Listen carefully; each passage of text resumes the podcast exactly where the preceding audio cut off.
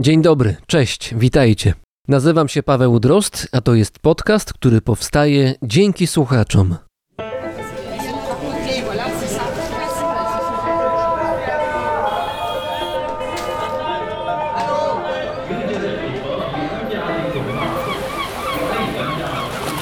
Brzmienie świata z lotu Drozda.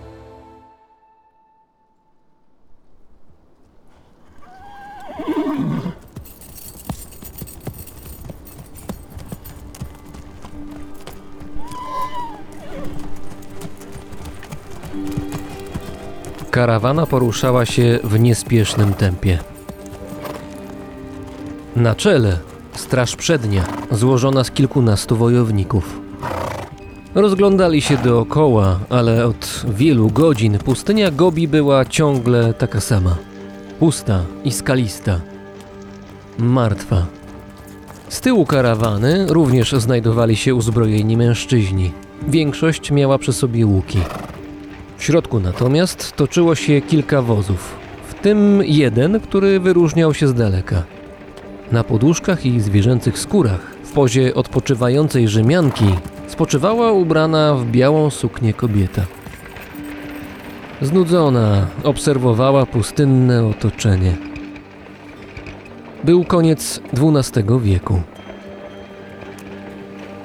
Gdy karawana zbliżyła się do skalistych wzgórz, dał się słyszeć dźwięk, dobrze znany wszystkim. Potem zobaczyli, jak za skał w tumanach kurzu na koniach pędzi ku nim duża grupa jeźdźców. W ich rękach było widać włócznie, szable i łuki. Napastnicy przewyższali liczebnie swoje ofiary, a ich szarża nabierała tempa. Zbliżali się z sekundy na sekundę. Obrońcy po chwili zaskoczenia skupili się przy wozach, gotowi do odparcia niespodziewanego ataku i gdy widać było już dobrze ogorzałe twarze przeciwników, nad okolicą rozniósł się donośny głos. Kamera, stop!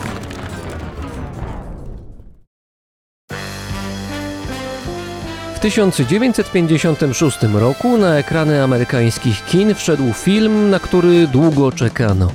Zdobywca.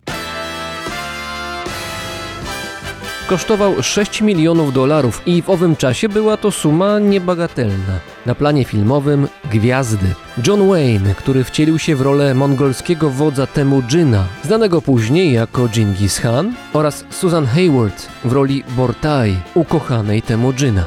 W produkcję filmu zaangażowane były inne znane hollywoodzkie nazwiska, takie jak Dick Powell, reżyser, oraz doświadczony producent filmowy Howard Hughes. Film przedstawiany był jako fikcja oparta na faktach. W założeniu miała przedstawiać wydarzenia z XII wieku, które rozgrywały się w Mongolii w czasie intensywnych walk między Mongołami, Merkitami, Tatarami i innymi ludami regionu. John Wayne, odtwórca głównej roli, był już wtedy aktorem znanym. Wcześniej na ekranie pojawiał się najczęściej jako cowboy z bronią palną w ręku. Zależało mu jednak na zagraniu Genghis Khana i starał się o tę rolę. Przecież film Zdobywca był superprodukcją, która miała przyćmić wszystkie dotychczas wyprodukowane dzieła z Hollywood. Jednak założenia filmu miały się nijak do rzeczywistości oraz do prawdy historycznej.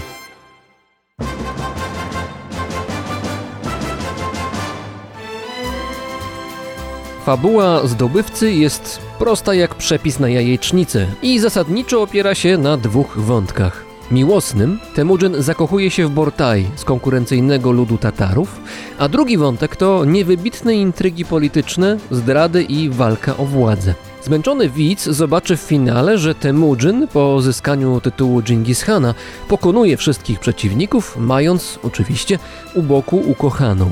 Dodam tylko, że ukochana jest tak daleka od wyglądu kobiety z pustyni Gobi, jak to tylko możliwe. W produkcję zaangażowano liczną grupę aktorów oraz statystów. Byli niezbędni, szczególnie w zbiorowych scenach walk. Obsada była jednak bardzo słabą stroną filmu, nie tylko za sprawą niekompatybilnego z fabułą Johna Wayne'a, który z doklejonym wąsem i akcentem kowboja z Teksasu udawał bitnego Mongoła w typie macho. Wszystkie role Azjatów powierzono białym, którzy przez siermiężną charakteryzację wyglądali jakby uciekli z osiedlowego balu maskowego. Aktorstwo słabe. dialogi pretensjonalne, a treść co najwyżej mierna. Widząc napis koniec, możemy w końcu odetchnąć z ulgą. Nieprzypadkowo zdobywca jest zaliczany do najgorszych amerykańskich filmów w historii, a John Wayne pośmiertnie zdobył nieformalną nagrodę Złotego Indyka dla najgorzej obsadzonego aktora. Zdobywca nie osiągnął pokładanych w nim nadziei i zapewne zniknąłby w mrokach amerykańskiej kinematografii, gdyby nie miejsce, w którym powstał. W filmie Pustynie Gobi zagrały pustkowia na granicy stanów Utah, Nevada i Arizona, niedaleko miasta St. George. To tam rozstawiono jurty w stylu mongolskim, które miały udawać mongolskie obozy. Tam też kręcono plenerowe sceny walk. Miejsce to wybrał Howard Hughes, wspomniany już producent filmu, utalentowany pilot oraz nie mniej utalentowany biznesmen, który miał już status milionera. Fragment jego ciekawego życia stał się fabułą dla filmu Aviator w reżyserii Martina Scorsese z 2004 roku. Wybierając na plan filmowy okolice miasta St. George, Hughes wiedział, że 200 km na zachód znajduje się Nevada Test Site. Miejsce, o którym mówiły całe Stany Zjednoczone.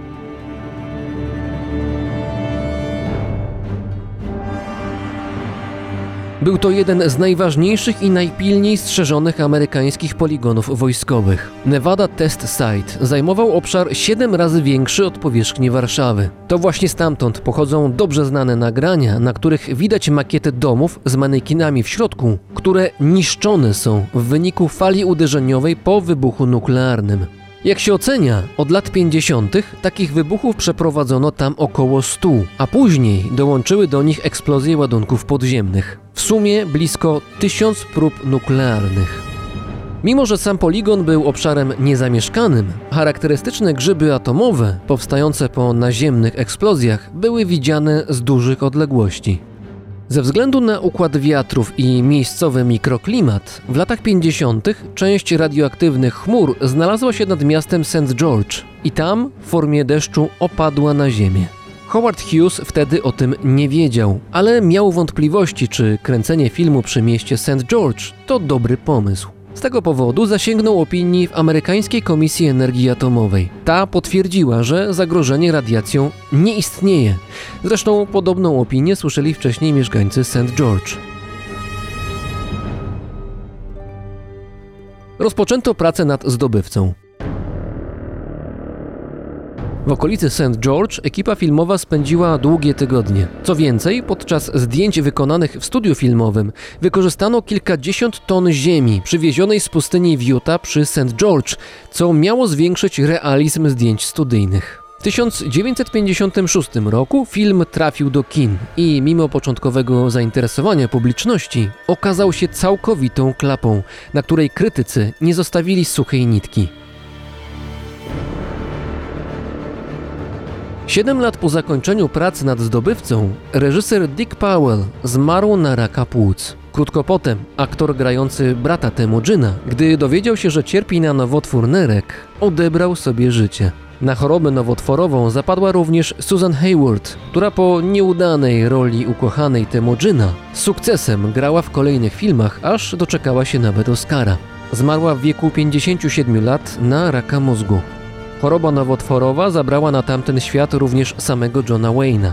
W sumie na różnego rodzaju nowotwory zapadło 91 członków ekipy filmowej, która liczyła w sumie 220 osób. Tak więc zachorowało ponad 41% z nich, a prawie 21% z tego powodu zmarło. Liczbami zainteresowała się prasa. Dość szybko powstało przekonanie, że winnym była wysoka radiacja, która panowała w mieście St. George. Przecież to nie mógł być przypadek. Doniesienia mediów skonfrontowano jednak z ogólnonarodowymi statystykami zachorowań. Okazało się wtedy, że zachorowania na nowotwory w Stanach Zjednoczonych, w grupach wiekowych, do których należeli pracownicy filmu, są bardzo zbliżone do liczb, które dotyczą ekipy zdobywcy. Poza tym nie jest tajemnicą fakt, że zarówno Dick Powell, reżyser, jak i John Wayne byli palaczami, którzy puszczali z dymem nawet po kilka paczek papierosów dziennie, a to mogło wpłynąć na ich stan zdrowia. Tajemnica niefortunnego filmu znalazłaby logiczne wyjaśnienie, gdyby nie kilka istotnych znaków zapytania. Po pierwsze, na choroby nowotworowe cierpieli również bliscy członków ekipy filmowej, którzy gościnnie odwiedzali plan zdjęciowy na pustyni w Utah. Tak było m.in. z dwoma synami Johna Wayna, którzy wówczas byli młodymi chłopakami. Po drugie, zwiększony odsetek zachorowań na raka notowano wówczas w samym mieście St. George. Mimo, że rząd Stanów Zjednoczonych nie wziął na siebie bezpośredniej odpowiedzialności za sytuację, powstał Fundusz Wsparcia dla chorych mieszkańców miasta. Istnieje przekonanie, że producent zdobywcy, Howard Hughes, miał wyrzuty sumienia, że zdecydował się na plan zdjęciowy na pustyni w stanie Utah, przez co nieświadomie naraził zdrowie i życie aktorów. Hughes miał wykupić wszystkie dostępne kopie filmu, wydając na to 12 milionów dolarów. Chciał być może, by film zniknął z ludzkiej pamięci. John Wayne dwukrotnie odbierał Oscara dla najlepszego aktora pierwszoplanowego. Oczywiście nie za rolę w zdobywcy. Dożył 72 lat.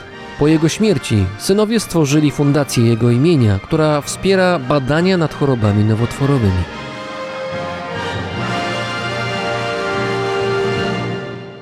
W tym odcinku usłyszycie o jeszcze jednym filmie. To nie fabuła, a dokument.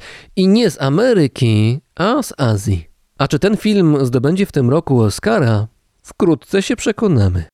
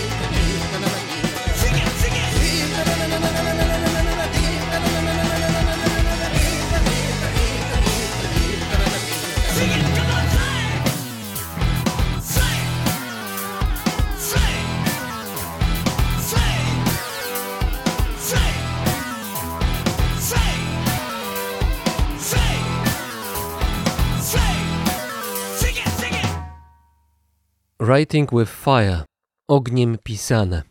To tytuł filmu dokumentalnego, który miał premierę w zeszłym roku. Już za chwilę będzie miał okazję powalczyć o statuetkę podczas gali Oscarów. Oscary nie są, przynajmniej dla mnie, wyznacznikiem jakości, ale festiwal Sundance już tak. A na tym festiwalu film Ogniem Pisany zdobył aż dwie nagrody.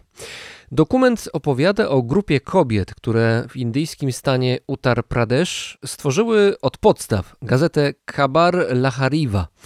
Jest w tym filmie co najmniej kilka wątków wartych zauważenia. Po pierwsze, jest kwestia roli i wolności mediów. Po drugie, jest e, zaznaczenie głosu kobiet, który to głos w Indiach jest coraz głośniej słyszany. Jest wreszcie wątek, chyba dla mnie najciekawszy, dotyczący podziałów klasowych czy kastowych w Indiach. Otóż bohaterki dokumentu Ogniem Pisane są Dalitkami.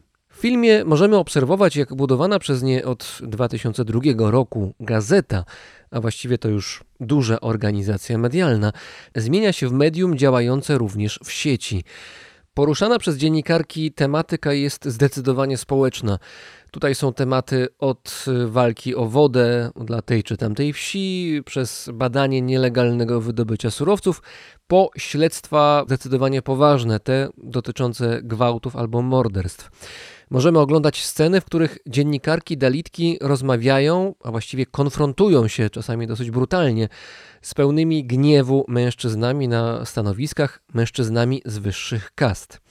To rzecz unikalna. Z tego, co mówią twórcy filmu, Rintu Thomas i Sushmit Ghosh, w Indiach istnieje tylko jedna organizacja medialna, która jest prowadzona wyłącznie przez kobiety. A do tego prowadzona przez Dalitki, dla wspomnianych oficjeli, dla mężczyzn z wyższych kast, kontakt z dziennikarkami dalitkami jest czymś niemal niewyobrażalnym. Dlaczego? O tym między innymi będziemy rozmawiać już za chwilę.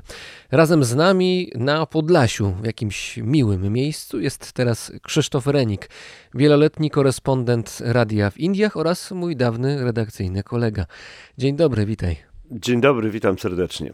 Żeby zrozumieć, kim są Dalici, najpierw musimy zrozumieć, że należą oni do systemu kastowego, który wciąż w Indiach funkcjonuje.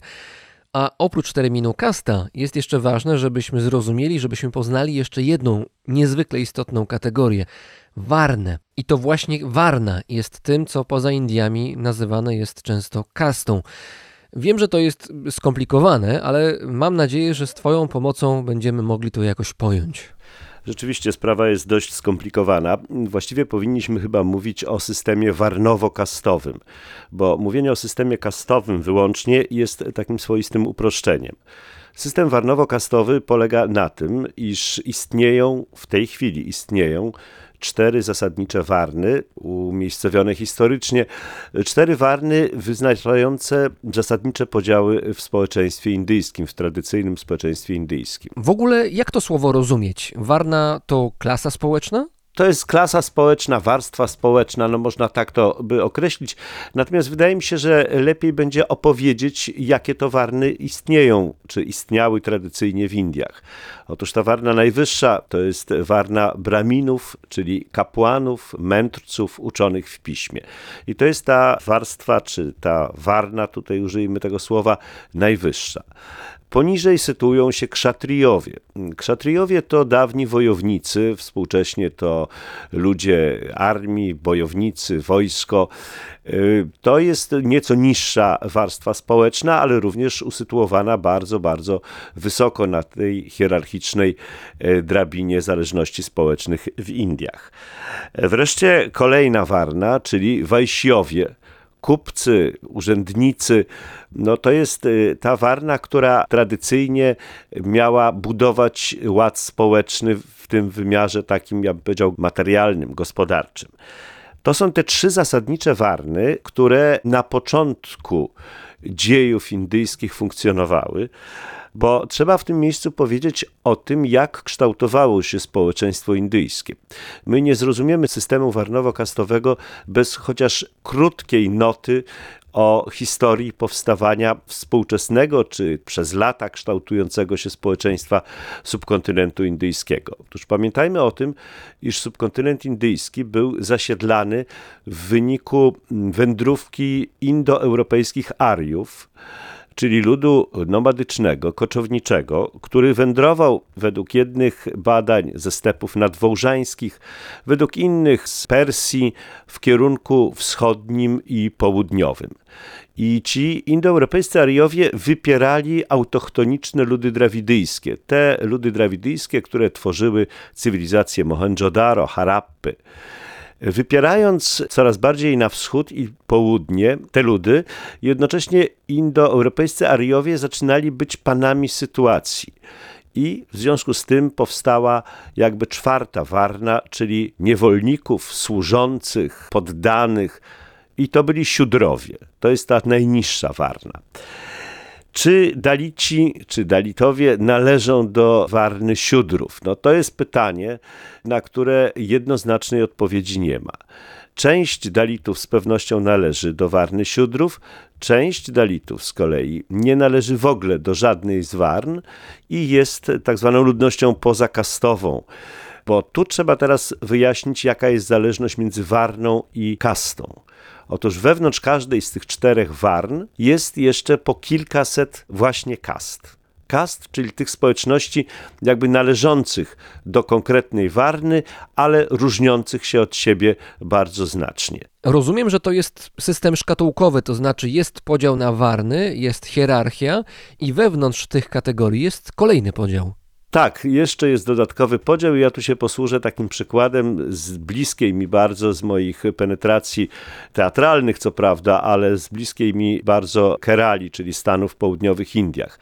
Otóż tam bramini keralscy są określani mianem Nambudiripat ale Nambudiripat to jest ta najwyższa ranga braminów w Kerali, bo Nambudiri to jest, też są bramini w Kerali, ale już nieco niższego, że tak powiem, sortu. I w ramach każdej z tych kast należących do konkretnej warny można wyróżnić bardzo, bardzo wiele tych odmian podcast, cast i tak dalej, i tak dalej. Także system jest skomplikowany, wystarczy powiedzieć, że w Indiach jest około 3000 kast. 3000 kast. I to świadczy o skomplikowaniu tego całego systemu. Oczywiście można się zastanawiać, jakie były korzenie tego systemu, dlaczego ten system w ogóle tak powstawał. Czy właśnie podbój subkontynentu indyjskiego i Azji Południowej przez Ariów zaowocował tym, że z powodów gospodarczych, materialnych, ekonomicznych ci zwycięzcy, ci Ariowie, którzy zdobywali te tereny, no, czynili sobie poddanych właśnie tworząc tę najniższą warnę, czyli siódrów i tworząc pojęcie ludności pozakastowej, czyli niedotykalnych tych właśnie dalitów, którzy mieli być tymi uciemiężonymi, bo dalit to znaczy uciemiężony, uciskany, uciemiężonymi służącymi, czy nawet wprost niewolnikami. No, system kastowy tak naprawdę w takim kształcie, tak powiem, literackim został sformułowany przez mędrca Manu dwa wieki przed Chrystusem. To jest Manu Smrti, to wielkie dzieło mędrca Manu, który opisał porządek społeczeństwa, porządek, który powinien kierować społeczeństwem właśnie tak rozumianym w zgodzie z tradycją, dawną z tradycją indyjską. A ten porządek jest oparty na fundamencie religijnym, czy to są kwestie zupełnie od siebie niezależne? No więc ja świadomie powiedziałem najpierw o tym y, takim aspekcie materialno-gospodarczym, natomiast my tego całego systemu nie zrozumiemy bez wprowadzenia pojęcia czystości rytualnej. Otóż czystość rytualna to jest pojęcie, które właściwie funkcjonuje w wielu systemach światopoglądowych, w wielu systemach religijnych. No, ja pamiętam sytuację sprzed dziesięcioleci, to był rok 1975. Byłem w Iraku, w Karbali, w Nadżafie. No i chciałem podejść do tych świętych meczetów. I wtedy eleganccy dżentelmeni z potężnymi pałkami podeszli do mnie i powiedzieli: Nie, mój drogi, ty jesteś niewierny, ty jesteś nieczysty i prosimy cię, prosimy cię, nie zbliżaj się do naszych świętych przybytków. No ja oczywiście to uszanowałem. Oczywiście to uszanowałem, bo rozumiem, że dla człowieka religijnego pojęcie czystości rytualnej jest czymś szalenie istotnym. I w związku z tym to pojęcie czystości rytualnej musimy też brać pod uwagę, rozmawiając czy dyskutując na temat systemu warnowo-kastowego istniejącego w Indiach, czy dawnego systemu warnowo-kastowego istniejącego w Indiach. Otóż ta czystość religijna zakładała, że ludzie wykonujący pewne zawody, pewne czynności są rytualnie nieczyści zbliżenie się do takiego człowieka może skutkować no, bardzo poważnymi konsekwencjami. Może z jednej strony niszczyć jego duchowość, a z drugiej strony może również niszczyć jego fizykalność. Złe spojrzenie to jest też pewien rodzaj czystości i braku czystości rytualnej. To jest kwestia tego, że do sakrum trzeba przyjść oczyszczonym. To przecież nie tylko hinduizm zakłada rytualną kąpiel e, przed wejściem do przybytku świętego, prawda? W związku z tym, bez wyjaśnienia sprawy rytualnej czystości, nie zrozumiemy w ogóle pewnych mechanizmów, które powodują, że system kastowy jest ciągle żywy. Tu podzielę się takim doświadczeniem z południowych Indii. Otóż miałem takiego mistrza nauczyciela, to był Brahmin, i ten Brahmin przyjmował mnie co pewien czas, właściwie dwa razy w tygodniu na takie spotkanie, uczył mnie tradycji performatywnych indyjskich, widowiskowych, południowoindyjskich ale jednocześnie ja chciałem przy jego pomocy, za jego pośrednictwem docierać do ludzi, którzy wykonywali pewne działania widowiskowe, rytualne. I między innymi chciałem przeprowadzić wywiad z takim wioskowym wieszczem. W Kerali nosi on nazwę Weliczapadu. I on się zgodził, ten mój bramin się zgodził, na to zaprosił tego Weliczapadu. I proszę sobie wyobrazić, jak wyglądała ta rozmowa i ten wywiad. Bramin tłumaczył, bo ja nie znałem Malayalam na tyle, żeby zrozumieć, co Weliczapadu mówi.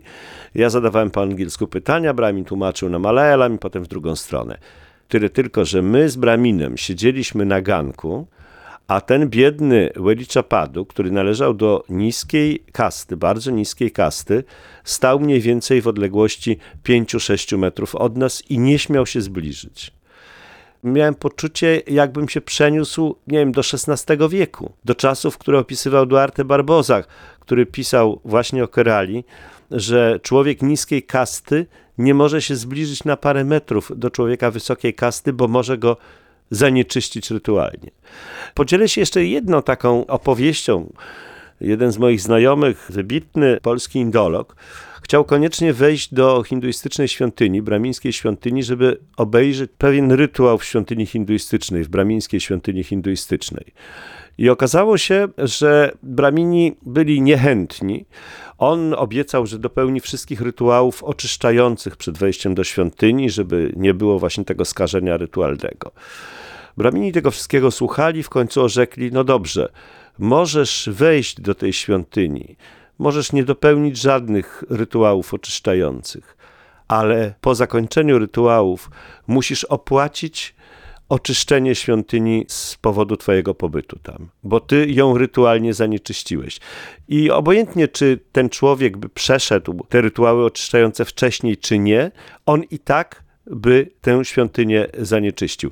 To bardzo mocno pokazuje, w jakim stopniu to myślenie o rytualnej czystości jest zakorzenione w indyjskim społeczeństwie. I to powoduje, że właśnie ci, którzy wykonują te prace uważane za nieczyste, zabijanie zwierząt, rzeźnicy, rybacy, ludzie zajmujący się sprzątaniem, czyszczeniem, no ci wszyscy ludzie mogą rytualnie skazić ludzi należących do kast wyższych, należących do społeczności, tych, które są rytualnie czystsze niż ci, którzy wykonują te pośrednie pośredniej kategorii czynności. A czy to jest tak, że w kontakcie między osobami z dwóch różnych warn, z dwóch różnych kast, traci osoba będąca wyżej w hierarchii, a ta będąca niżej niczego nie ryzykuje? Teoretycznie niczego nie ryzykuje, aczkolwiek też może odnieść y, negatywne skutki wynikające właśnie z tego złamania pewnego tabu. Bo teraz powinniśmy jeszcze zwrócić uwagę na jedną rzecz. Ja nie chcę bronić systemu warnowo-kastowego w żadnym wypadku, bo nie chcę tutaj wyjść na człowieka oszalałego na punkcie Indii, który broni z uporem godnym lepszej sprawy sytuacje, które są z naszego punktu widzenia, z europejskiego punktu widzenia z gruntu wątpliwe. Otóż trzeba jasno powiedzieć, że system warnowo-kastowy w tym tradycyjnym, najbardziej tradycyjnym swoim wymiarze, jednocześnie zapewniał ochronę tych bardzo różnorodnych społeczności istniejących i żyjących na subkontynencie indyjskim. To znaczy, on blokował pewne kontakty, ale jednocześnie sprawiał, że każdy mógł pozostawać tym, kim się narodził, kim pojawił się na tej ziemi. To znaczy, jeżeli ktoś był obyczajowości takiej, a nie innej, to nie musiał się dostosowywać do obyczajowości innej grupy społecznej, ponieważ tych kontaktów właściwie nie było. Więc to na swój sposób można powiedzieć, że to była ochrona tożsamości danych grup społecznych. Ochrona albo cementowanie gett, które istniały obok siebie. Można tak to uznać. Oczywiście z naszego punktu widzenia, z punktu widzenia społeczności inkluzywnych, czyli społeczności, że tak powiem, niewykluczających nikogo, to można powiedzieć, że to chodziło o tworzenie gett. Natomiast niekoniecznie, bo pamiętajmy, że ta inkluzywność, o której my mówimy, to jest wynalazek no nie taki znowu stary w dziejach świata. I raczej przez wiele stuleci społeczności chroniły swoją tożsamość w obawie przed nadejściem nadejściem obcych, innych, wrogich i ten system warnowo-kastowy w jakimś stopniu chronił te tożsamości. W związku z tym tutaj trzeba też w jakimś stopniu wyważyć te racje za i przeciw systemowi warnowo-kastowemu. Oczywiście ten system warnowo-kastowy z biegiem lat zaczął się degenerować, bo zaczął być przede wszystkim wykorzystywany do tego, o czym wspomniałem na początku naszego spotkania i naszej rozmowy. Zaczął być wykorzystywany przede wszystkim do tego, żeby mieć niewolników. To znaczy, ten system stał się alibi dla dyskryminowania innych. Otóż to właśnie. On się zaczął tak degenerować, że w jego wyniku właściwie został stworzony system pewnego niewolnictwa i jeszcze czegoś innego. Mianowicie pewien system rasistowski. Ja pamiętam taką dyskusję na jednym ze szczytów ludnościowych, pierwsza dekada lat 2000. Brytyjczycy zdecydowali, że trzeba postawić wniosek na szczycie ludnościowym o to, żeby system kastowy, warnowo-kastowy uznać za system rasistowski. No oczywiście to wywołało furię władz indyjskich, wywołało furię w Indiach i no, na tym szczycie ludnościowym jednak nie doszło do uznania systemu warnowo-kastowego za system rasistowski, co nie przeszkodziło Brytyjczykom do uznania takiego systemu u siebie za rasistowski. Bo jeżeli człowiek patrzy i nie boi się używać słowa rasizm, to jeżeli patrzy na kasty wyższe czy warny wysokie w Indiach i porównuje je z kastami niższymi, to natychmiast się okazuje, że te warny niższe, czy siódrowie, czy niedotykalni, poza kastowi, to są wszystko ludzie o znacznie ciemniejszej karnacji skóry, o włosach kręconych.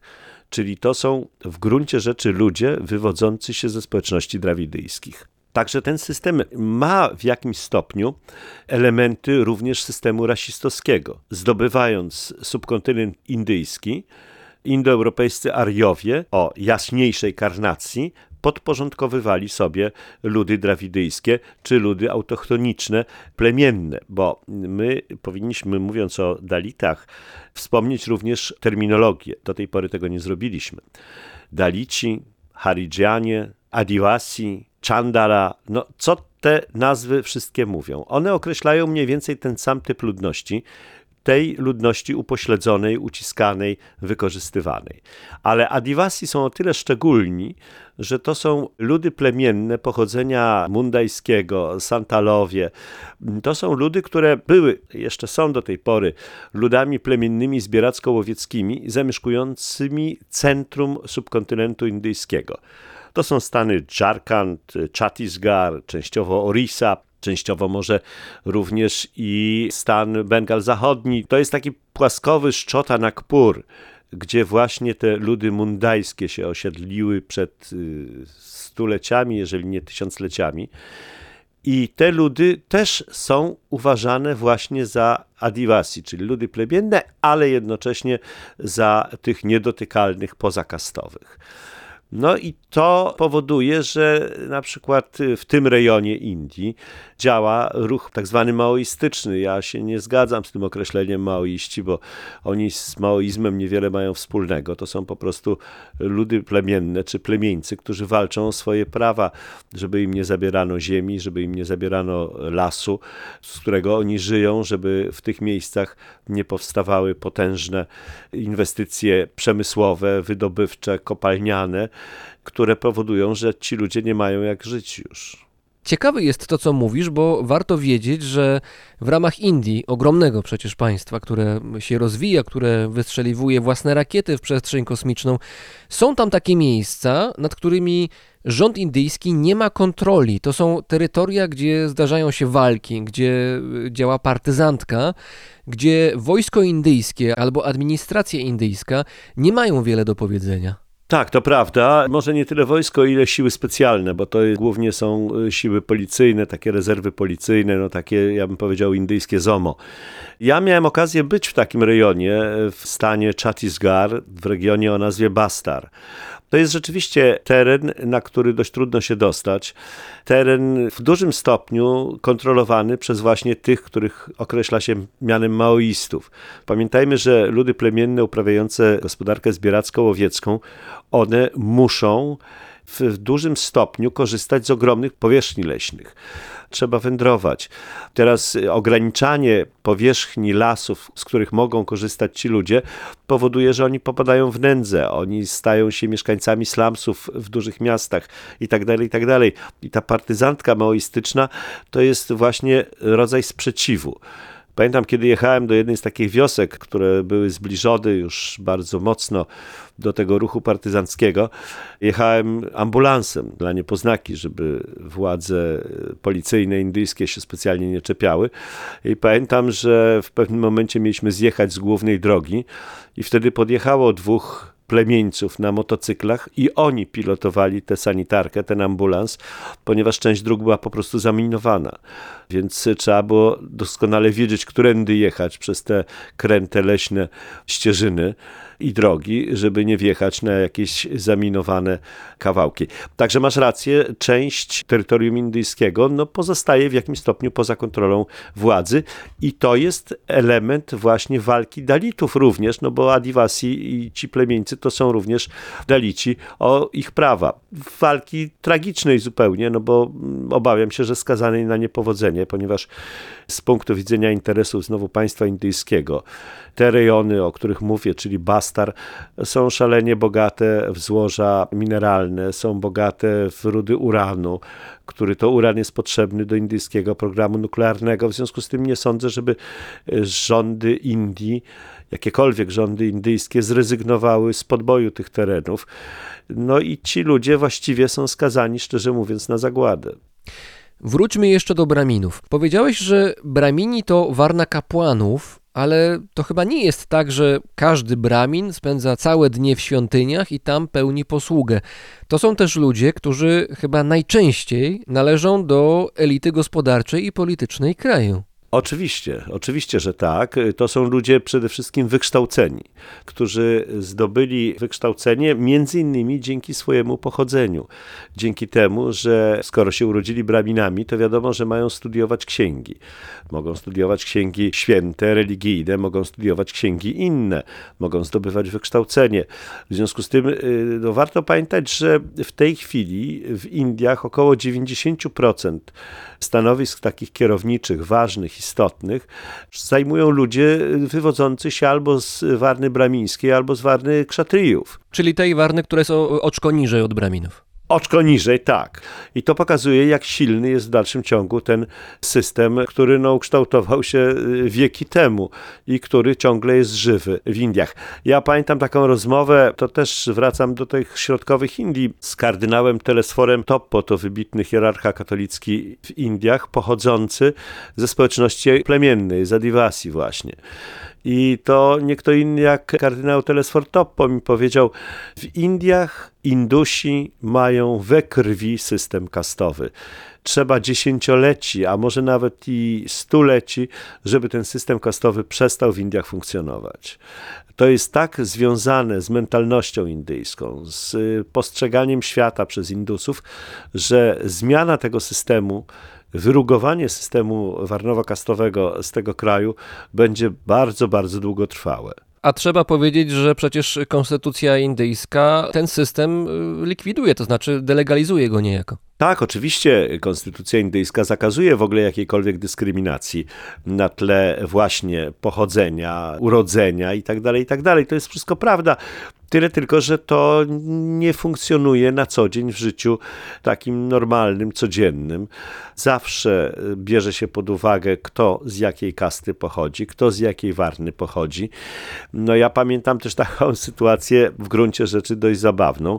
Otóż ten mój mistrz bramiński był człowiekiem, który w gruncie rzeczy odrzucał warny i kasty. On w ogóle w pewnym momencie mi się przyznał, że on jest ateistą i co prawda chodzi do świątyni, bo ma swoją własną prywatną świątynię i tam odprawia jakieś obrządki, ale tak naprawdę to robi tylko to ze względów społecznych. Ale zaraz, Bramin, który ma własną świątynię, jest ateistą? Tak, tak. I mówi, on to robi tylko ze względów społecznych, żeby utrzymać swoją pozycję w społeczeństwie, natomiast nie jest człowiekiem religijnym.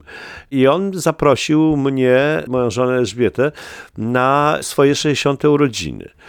No i to była taka bardzo duża uroczystość byli bramini, którzy niekoniecznie odrzucali warnej kasty i bardzo niechętnie patrzyli na obecność takiej dwójki białych, którzy no mogli faktycznie ich rytualnie zanieczyścić jako nie hinduiści. I doszło do posiłku. No i okazało się, że jemy wspólnie ten posiłek. Tylko w pewnym momencie dopiero zorientowaliśmy się, że razem z synem tego mojego mistrza i z paroma innymi osobami siedzimy co prawda w jednym rzędzie tych ludzi siedzących na ziemi i z liści bananowca jedzących ryż z warzywami Tyle tylko, że my, syn Bramina i jeszcze te parę osób, które do wyraźnie nie mieściły się w tych kategoriach warnowo-kastowych, siedzimy już za progiem, w innej izbie.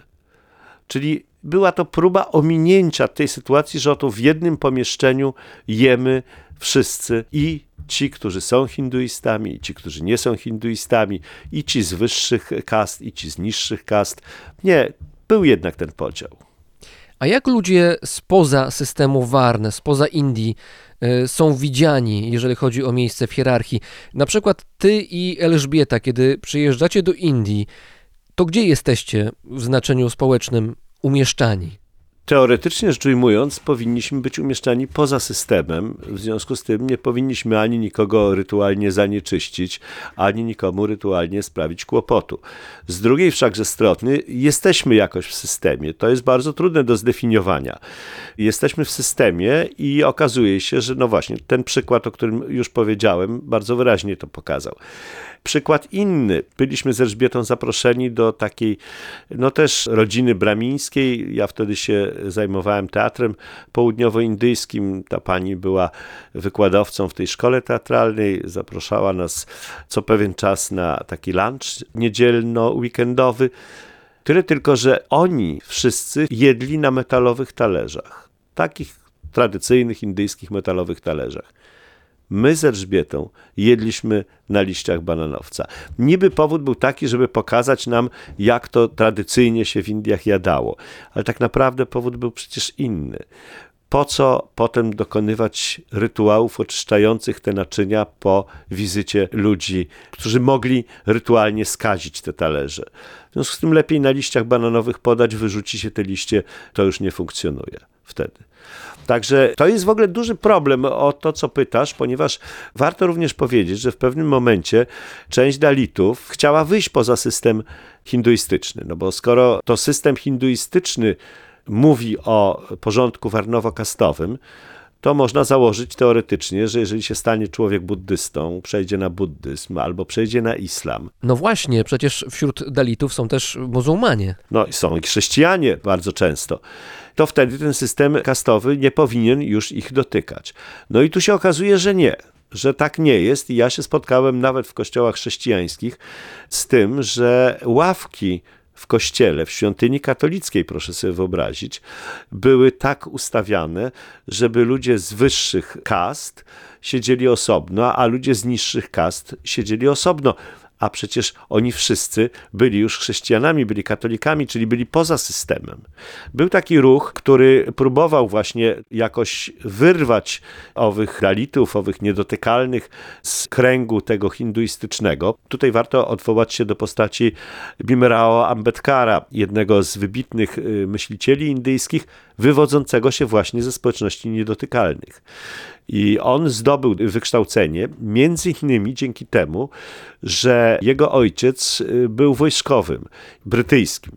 I on jako syn wojskowego brytyjskiego mógł się uczyć. I zaczął myśleć nad tym, jak wyrwać owych dalitów z tego zaklętego kręgu ucisku, z tego zaklętego kręgu wykluczenia społecznego. I doszedł do wniosku, że właściwie jedyną metodą jest konwersja. I od niego zaczął się ruch, który w tej chwili nazywa się neobuddyzmem w Indiach. To głównie w stanie Maharashtra. W latach 30., 40., 50. to były bardzo liczne konwersje z hinduizmu albo z religii plemiennych na właśnie buddyzm. Mimo to okazało się, że w dalszym ciągu ci dalici, którzy przeszli na buddyzm, przez większość społeczeństwa indyjskiego byli traktowani właśnie jako ci niedotykalni, ci Haridżanie, czyli dzieci Boga, bo to warto tu powiedzieć, że Gandhi walczył o to, żeby zlikwidować ten ucisk, żeby nie prowadzić już tej segregacji. Stworzył pojęcie Haridżan, czyli dzieci Boga. Tak mieli się nazywać, tak miano określać tych dawnych niedotykalnych. To się też nie bardzo udało i w tej chwili pojęcia Haridżan właściwie już nikt nie używa.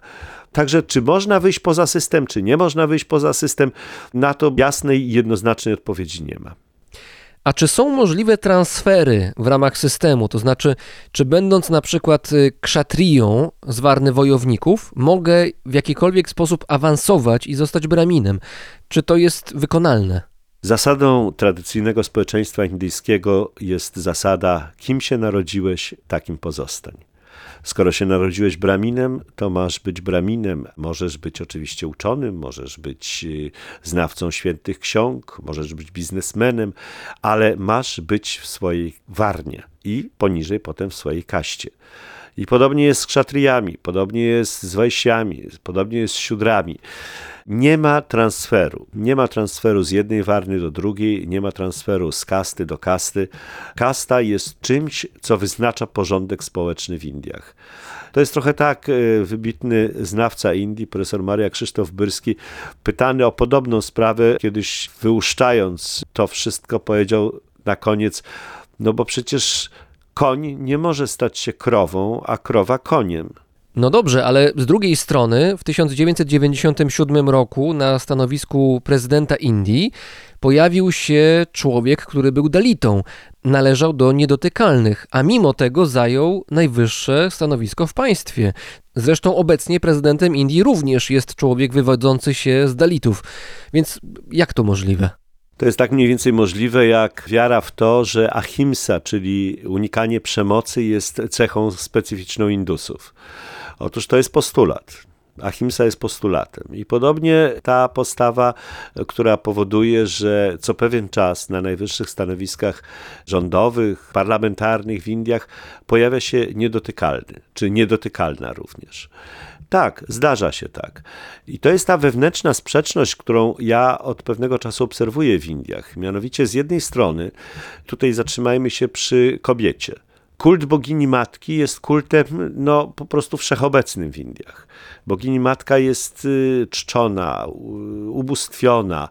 No, to jest y, orędowniczka wszystkiego i wszystkich. A z drugiej strony, jaka jest pozycja kobiet? No nie jest dobra. Mówiłeś we wstępie do naszego spotkania o tym. Muszą kobiety walczyć o swoje prawa. Są wykorzystywane jeżeli próbują zgłaszać na policję jakieś problemy, to są lekceważone, że w życiu codziennym kobiety nie odgrywają istotnej roli. Ale z drugiej strony, w wielu społecznościach indyjskich panuje matriarchat. społeczność Najarów, wojowników, starokeralskich wojowników, współcześnie między innymi aktorów teatru Kathakali. Przecież to kobieta rządzi w domu. To kobieta jest tym spoiwem ogniska rodzinnego i ona jest najważniejsza. Mężczyzna, mąż jej, niewielki ma wpływ na wychowanie dzieci, bo on nie ma prawa się nimi zajmować. W związku z tym to jest strasznie trudne do zinterpretowania, dlaczego tak się dzieje. I myślę, że tutaj kwestia polityków czy polityczek, którzy stają na czele właśnie urzędu prezydenckiego, czy w parlamencie pełnią ważne i istotne stanowiska, a wywodzą się ze społeczności niedotykalnych, to to są wszystko takie znaki postulatywne. To są takie postulaty. Tak, chcielibyśmy, żeby tak było, ale to nie funkcjonuje w życiu codziennym. Może przemawia przeze mnie naiwność, a może jednak coś się w Indiach zmienia. Wspomniałem o filmie dokumentalnym Ogniem Pisane, ale jest jeszcze jeden film wart moim zdaniem zauważenia, film fabularny, który również traktuje o dyskryminacji i przemocy wobec Dalitów. Film miał premierę w zeszłym roku. Jest oparty na prawdziwych wydarzeniach z 1993 roku. Opowiada historię pewnego Dality, który zostaje niesłusznie aresztowany przez policję, a potem ginie w dziwnych okolicznościach. I w szukaniu prawdy na temat tego, co się z nim wydarzyło, zaangażowani są zarówno jego rodzina, rodzina ofiary, jak i Chandru, znany w owym czasie prawnik. No i w finale tego filmu winni zostają ukarani, a najciekawsze jest w tym wszystkim chyba to, że film zyskał bardzo wysokie oceny w Indiach i mimo trudnej tematyki był chętnie oglądany. To był przebój kinowy, więc no, może coś się jednak zmienia. A czy mnie się wydaje, że Indie oczywiście ulegają ogromnej transformacji, modernizacja tego społeczeństwa, rozwój klasy średniej. No to wszystko wpływa na to, że nowe nurty i nowe postrzeganie i miejsca systemu warnowo-kastowego, znaczenia tego systemu w życiu codziennym, miejsca kobiet i roli kobiet w życiu społecznym, oczywiście się zmienia. Daleki jestem od poglądu, że Indie są zakonserwowane w kształcie sprzed stuleci i w tym kraju nic nigdy się nie zmieni. To oczywiście byłoby nieprawdą i takiego sformułowania ja bym się wystrzegał. Natomiast trzeba pamiętać, że 80% Dalitów żyje na wsi. Wieś indyjska, y, w odróżnieniu od takich metropolii jak Bombay, jak Kalkuta, Madras, czy New Delhi, czy Stare Delhi nawet, czy Bangalore, Krzemowa Dolina Indii, no otóż wieś indyjska, w odróżnieniu od tych właśnie metropolii, które wymieniłem, jest szalenie konserwatywna.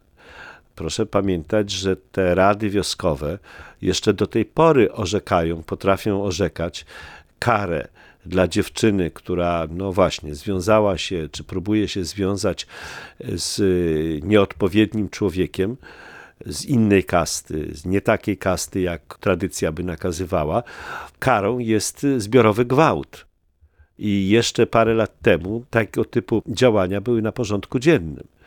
Proszę pamiętać, że dopiero kilkanaście lat temu w Indiach w kodeksie karnym zmieniono kwalifikację czynu określanego jako zabójstwo honorowe. A co to były za zabójstwa honorowe? No to było zabójstwo dziewczyny albo chłopaka, którzy niezgodnie z tradycją kastową wiązali się węzłem małżeńskim czy węzłem partnerskim. I wtedy można było takiego chłopaka czy taką dziewczynę, najczęściej brat albo ojciec, mógł zabić. I nie odpowiadał jak za normalne zabójstwo. To było zabójstwo honorowe, zagrożone jakąś karą, ale niewielką. W związku z tym to, co się zmienia w kinematografii indyjskiej, to, co się zmienia w e, kinematografii tej, która jest pokazywana w dużych miastach, w Indiach niekoniecznie dociera na indyjską prowincję, niekoniecznie dociera do indyjskich wiosek. Te wioski ciągle tkwią wiele, wiele dziesięcioleci do tyłu w tej rzeczywistości, która była formowana kilkadziesiąt, a może nawet i 100-200 lat temu. Prawdopodobnie ta rzeczywistość też się będzie zmieniała, ale to wymaga wszystko czasu. I jeszcze raz powtarzam, 80% Dalitów mieszka na wsi, wywodzi się z małych wiosek. Oczywiście oni zamieszkują również w slumsach, bo opuszczają wioski, nie mając jak pracować, popadając w długi, no bo czym się zajmują Dalici na wsi? Pożyczają pieniądze na życie od landlordów, a potem muszą wykonywać za darmo albo za miskę ryżu prace polowe u tych właścicieli ziemskich. Bardzo wielu z nich nie jest w stanie tego robić, ucieka do miast, wierząc, że właśnie w miastach jakoś sobie poradzi. I to są właśnie owi mieszkańcy slumsów, tych niebieskich, prezentowych dachów, które tak dobrze widać, gdy ląduje się na lotnisku w Bombaju, międzynarodowym lotnisku w Bombaju, a wokół tego lotniska rozłożyły się właśnie te prezentowe, niebieskie płachty przykrywające dachy owych slumsów. W związku z tym mnie się wydaje, że proces modernizacji Indii będzie zajmował jeszcze długie, długie lata. To trochę tak jest jak ze zmianą wektora politycznego Indii. My od pewnego czasu mówimy, że wektor polityczny Indii kieruje się w stronę państw zachodnich, w stronę Stanów Zjednoczonych. No tak, mówimy o tym, ale w sytuacji obecnej, w sytuacji kryzysu i napaści Federacji Rosyjskiej na Ukrainę, Indie nie zajęły jednoznacznego stanowiska. Indie w gruncie rzeczy w dalszym ciągu są przywiązane do Moskwy, do Rosji, bo tak polityka indyjska kreowała e, swoje kontakty międzynarodowe przez ostatnie kilkadziesiąt lat. I tej zmiany szybko się nie doczekamy zapewne. Skoro poruszyłeś już ten wątek, to zatrzymajmy się przy nim y, na chwilę.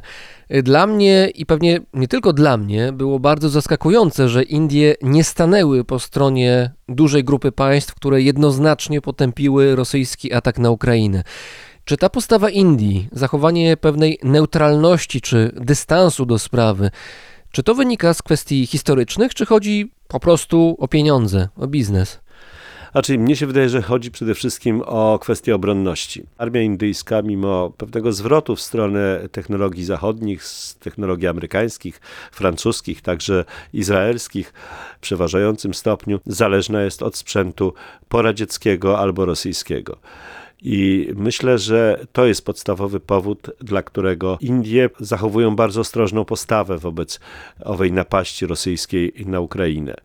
Warto pamiętać, że flagowy okręt marynarki wojennej Indii, lotniskowiec, to jest dawny ukraiński lotniskowiec, który potem odkupili Indusi i w stoczniach rosyjskich był przygotowywany jako okręt flagowy marynarki indyjskiej.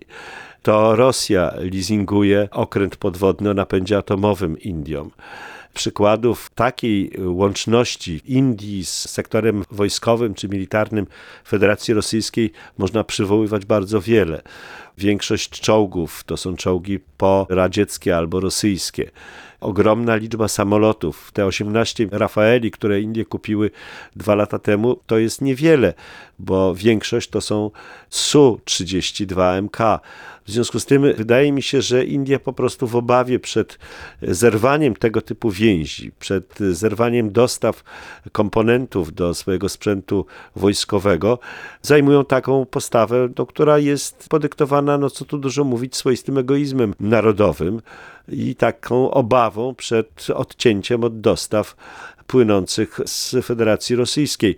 Z drugiej strony Joe Biden powiedział bardzo wyraźnie, że Indie powinny rozważyć zmianę zaopatrzenia wojskowego i że sojusznicy zachodni są skłonni wesprzeć w tym Indie. No zobaczymy, czy rzeczywiście Indie się na to zdecydują, ale wydaje mi się, że tak jak mi jeden z generałów indyjskich jakiś czas temu mówił, e, związki Indii, jeżeli chodzi o sektor obronny z Federacją Rosyjską są niepowtarzalne, są unikalne i w związku z tym trudno się spodziewać szybkiej zmiany orientacji indyjskiej armii w stronę technologii, w stronę techniki zachodniej. Zostawmy kwestię polityki w tej chwili, bo trochę uciekliśmy od głównego tematu. Ja bym chciał jeszcze wrócić do filmu dokumentalnego, od którego zaczęliśmy naszą rozmowę, filmu Ogniem Pisane. Jedna z bohaterek tego filmu mówi, że w Indiach bardzo często ludzie chcą wiedzieć, z jakiej ona jest kasty, kiedy ona się z, z nimi kontaktuje, jest dalitką. No i kiedy właśnie to pytanie zadają ludzie z wyższej kasty, to ona najczęściej odpowiada im, że należy właśnie do tej kasty, tej samej, do której oni należą i wtedy łatwiej się można porozumieć, łatwiej się można dogadać.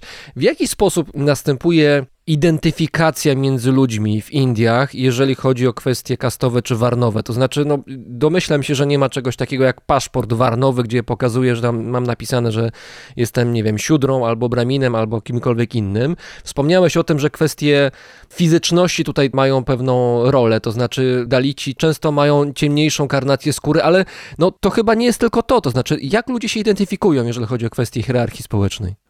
No, przede wszystkim identyfikują się po nazwisku, bo nazwiska od razu określają twoje pochodzenie, twój status społeczny, no i twoją kastę. A nazwiska nie można zmienić? Można zmienić, tylko że to już jest procedura urzędowa i tak dalej, i tak dalej. No, powiem szczerze, że ta wypowiedź, którą cytowałeś, jest dla mnie troszeczkę zaskakująca i troszeczkę wydaje mi się taką wypowiedzią dla słuchacza czy dla widza pozaindyjskiego. W Indiach, jeżeli chodzi o oszukanie kwestii kastowej, to to jest trudna sprawa. To jest gdzieś zakorzenione w takim codziennym zachowaniu, w obyczajowości, w tym nazwisku również.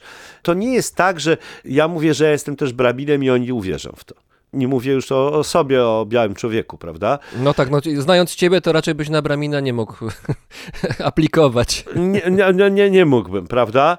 Ale na przykład można dążyć do pewnej takiej wspólnoty, mnie ułatwiało na przykład mówienie e, w środowisku teatralnym, wśród moich przyjaciół, aktorów teatru Katakali, że moja matka była wykładowcą łódzkiej filmówki, że jest w środowisku artystycznym.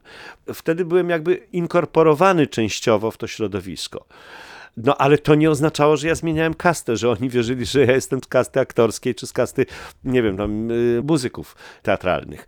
Także nie bardzo mi się chce w to wierzyć, że ta opowieść, którą zacytowałeś, to ona jest taka rzeczywiście realistyczna, że to tak udaje się w Indiach tym ludziom z wyższej sfery powiedzieć, no nie, nie, ja nie jestem Dalitka, ja jestem z, tak ja... Oni to wyczują.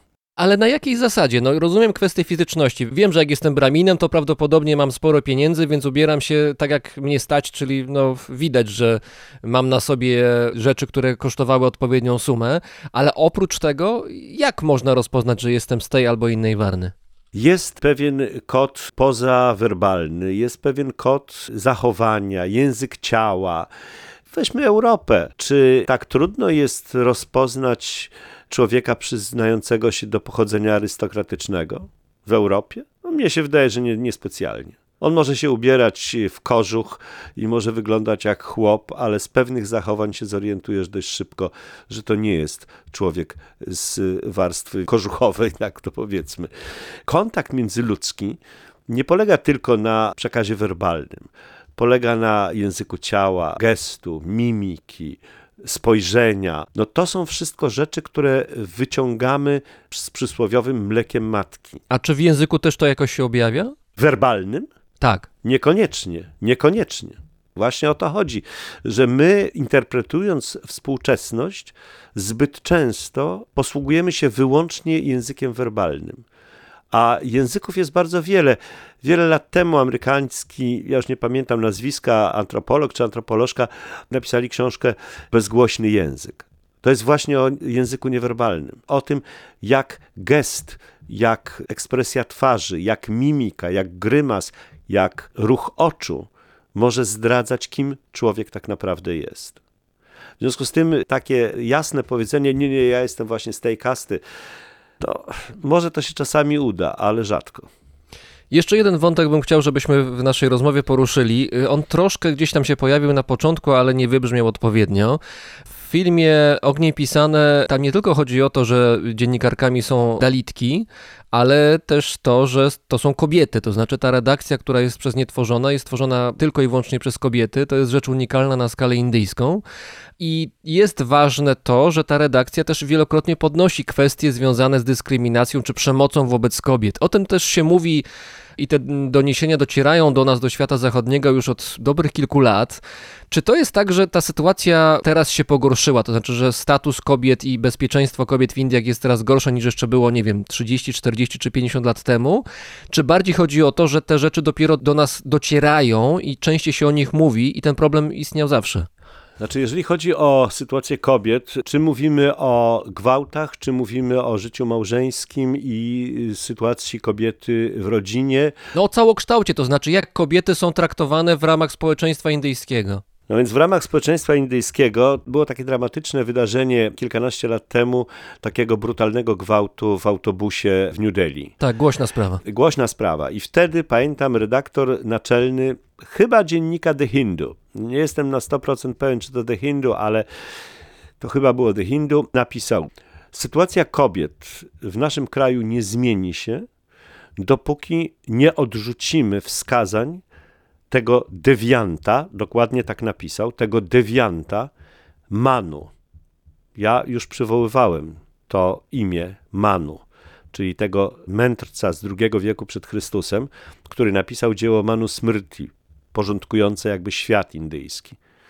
Otóż, dopóki nie odrzucimy poglądów tego dewianta Manu, tak pisał indyjski dziennikarz, dewianta Manu, który kobietę uważa wyłącznie za naczynie dla spermy mężczyzny.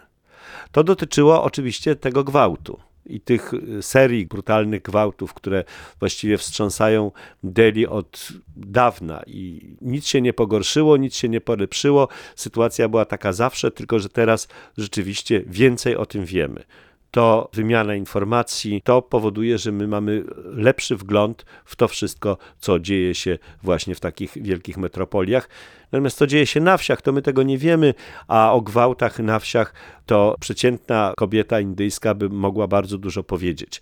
Zresztą nie jest tajemnicą, dlaczego kobiety indyjskie na wsiach, gdzie nie ma toalet, swoje potrzeby fizjologiczne załatwiają najczęściej między trzecią a czwartą nad ranem. No właśnie dlatego, że wtedy się czują najbezpieczniejsze. To jest ten czas, kiedy nie grozi im atak gwałcicieli, mężczyzn, którzy no, szukają okazji do dokonania gwałtu.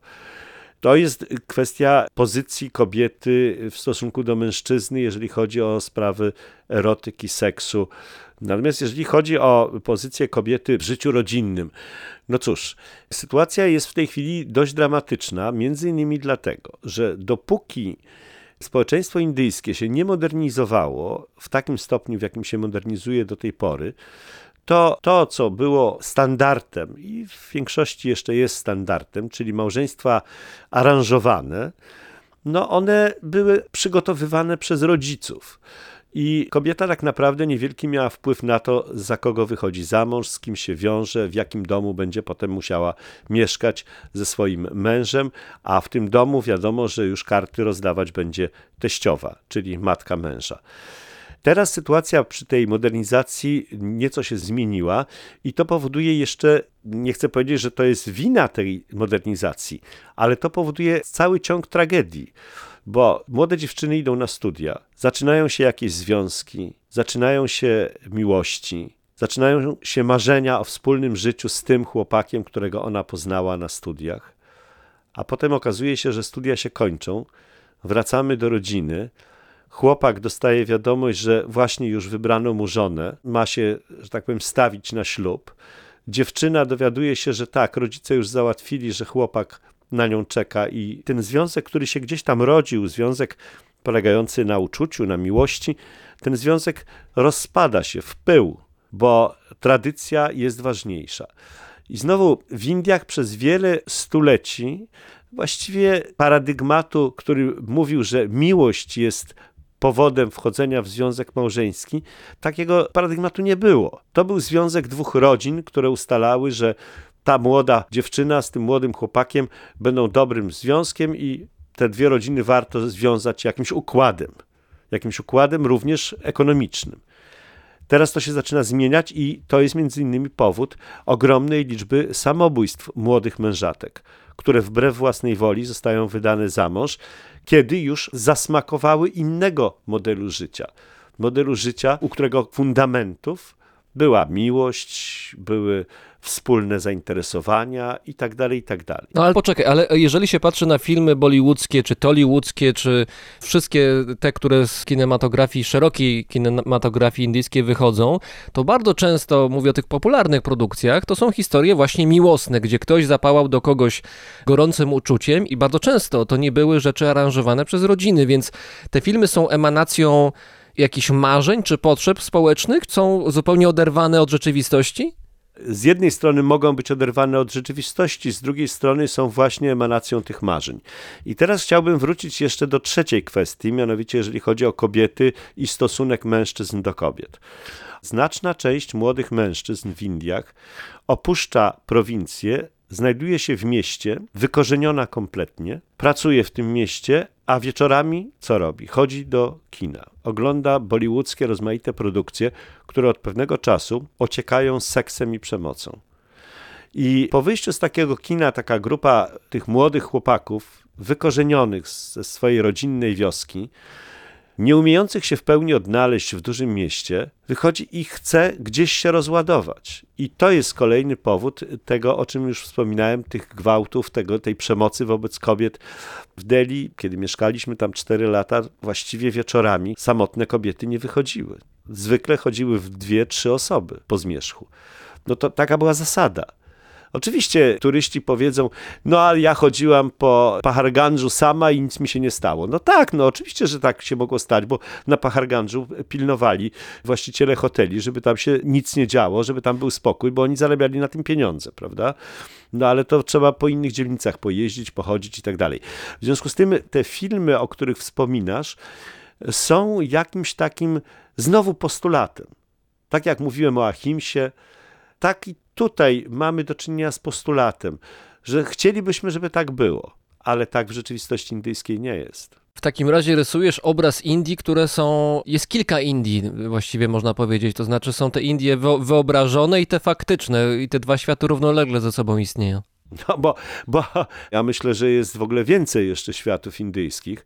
To jest kraj liczący miliard dwieście milionów ludzi kraj znacznie większy niż Europa, znacznie liczebniejszy niż Europa, znacznie bardziej zróżnicowany pod względem narodowościowym, etnicznym, cywilizacyjnym, kulturowym, religijnym, obyczajowym i tu można by mnożyć te różnice.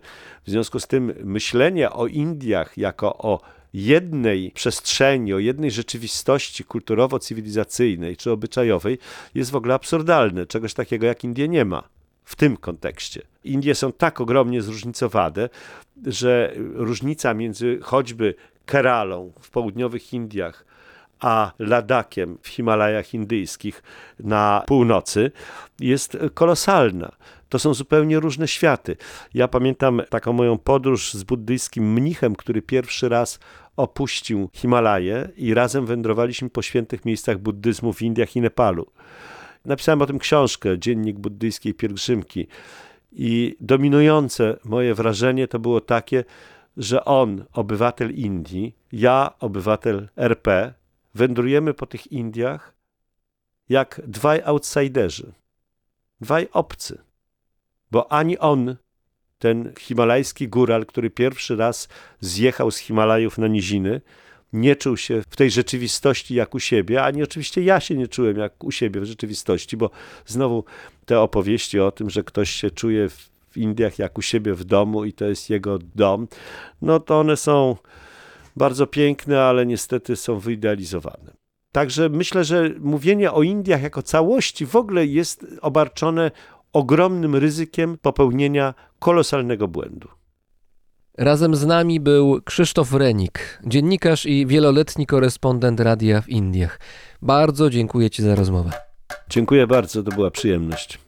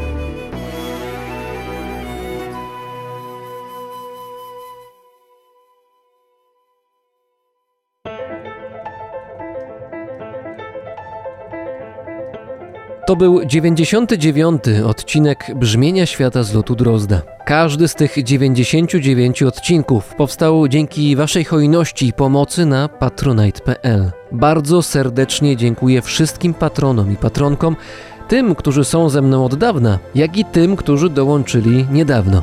Moja wdzięczność nie słabnie ani na chwilę. Dziękuję również światoczułemu patronowi Brzmienia Świata, firmie Ergo Ubezpieczenia Podróży.